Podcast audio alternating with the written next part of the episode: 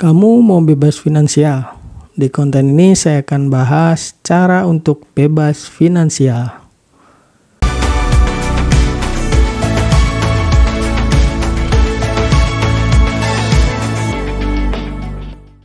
Banyak sekali artikel dan video yang membahas tentang kebebasan finansial. Salah satunya konten-konten yang udah saya buat, baik website, YouTube, IG, TikTok, dan podcast. Ya, jika kamu perhatikan semua konten yang saya buat ada satu benang merah yang menyatukan semua konten yang saya buat itu. Semuanya bermuara kepada bebas finansial. Sebenarnya apa sih itu bebas finansial? Bebas finansial merupakan kondisi ketika kamu tidak perlu bekerja lagi untuk mendapatkan penghasilan. Artinya adalah tanpa kamu bekerja pun kamu tetap mendapatkan penghasilan.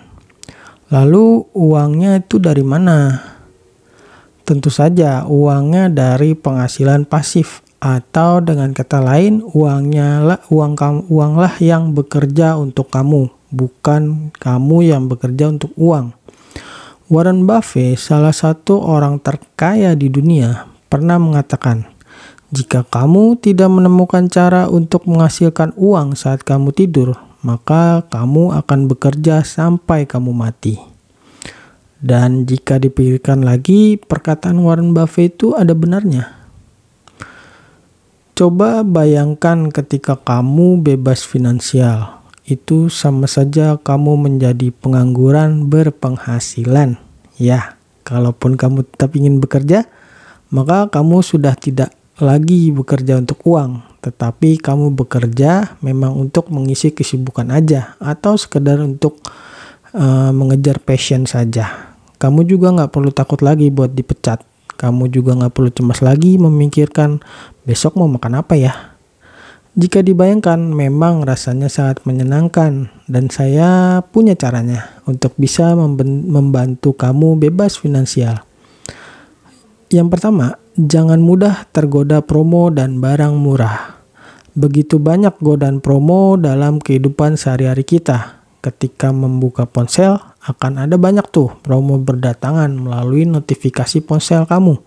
Ketika kamu buka email, juga banyak tawaran-tawaran promosi. Begitu juga dengan barang murah. Begitu banyak barang-barang yang memang harganya murah, namun sayangnya barang murah banyak sekali yang tidak berkualitas.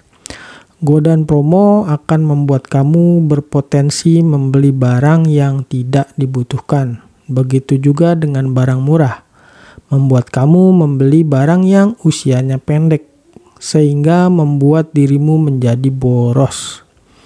Promo itu akan selalu ada, kamu nggak perlu khawatir.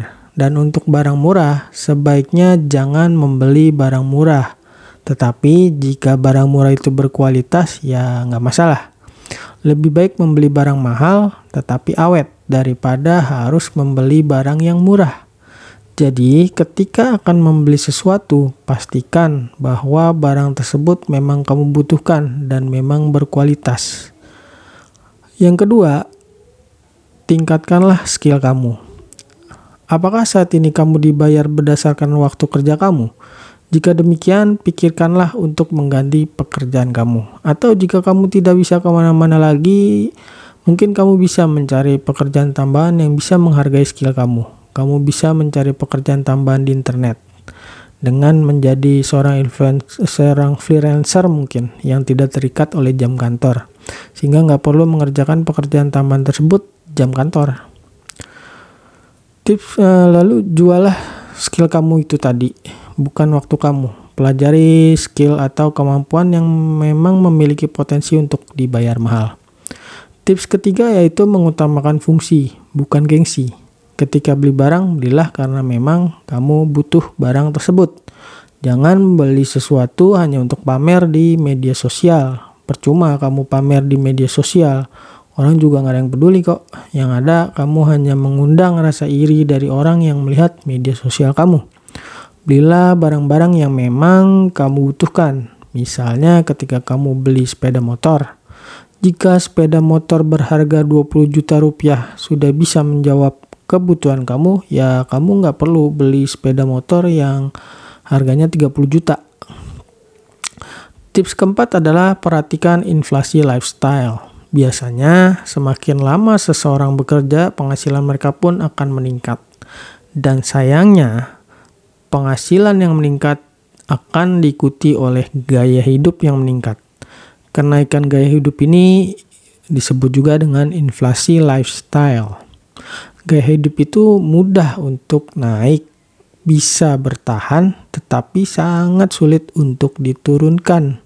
Sehingga ketika kamu mengalami peningkatan penghasilan, sebenarnya kamu mampu kok untuk mempertahankan gaya hidup kamu yang ada tanpa harus mengalami inflasi lifestyle. Atau kalaupun kamu ingin menaikkan gaya hidup kamu, hitung terlebih dahulu tingkat kenaikan penghasilan kamu. Jangan sampai inflasi lifestyle kamu melebihi kenaikan penghasilan kamu. Karena jika gaya hidup kamu sudah naik, akan sangat sulit untuk menurunkannya. Tips kelima adalah menikahi orang yang tepat. Bukan maksudnya menikah dengan orang kaya, tapi menikahlah dengan orang yang juga memiliki visi yang sama, atau setidaknya bisa mendukung visi kamu dan tidak bertentangan dengan visi kamu. Misalnya, kamu ingin bebas finansial, maka menikahlah dengan orang yang memiliki gaya hidup frugal misalnya. Atau orang yang punya impian untuk punya bisnis sendiri. Jangan menikahi orang yang boros karena akan menghambat visi kamu. Tips yang keenam adalah memahami biaya peluang. Begitu banyak godaan yang bisa membuang waktu kamu. Misalnya, kamu menikmati layanan streaming 2 jam sehari.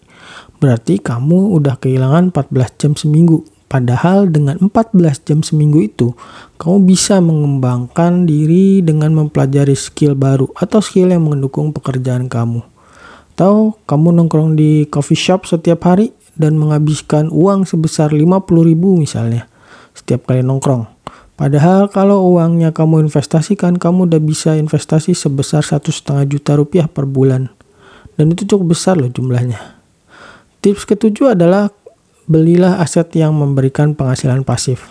Daripada kamu mengeluarkan uang untuk membeli hal-hal yang sifatnya konsumtif, lebih baik kamu membeli aset yang produktif yang bisa mendatangkan penghasilan pasif. Kamu bisa menaruh uang kamu di deposito, membeli obligasi, berinvestasi di reksadana, saham, atau menjadi pemodal di peer-to-peer lending. Semakin banyak aset produktif yang kamu miliki, maka semakin cepat pula kamu bisa bebas finansial. Itulah 7 tips untuk kamu bisa bebas finansial. Sayangnya, bebas finansial itu bukan untuk semua orang, meskipun semua orang memungkinkan untuk bisa bebas finansial. Karena tidak semua orang mau bebas finansial dan mau berkomitmen untuk bebas finansial. Dan tujuh tips ini saya berikan agar kamu yang memang mau bebas finansial bisa segera mencapai impian kamu itu. Oke, sampai di sini pembahasan tentang tips untuk bebas finansial. Sampai jumpa di konten berikutnya. Dah.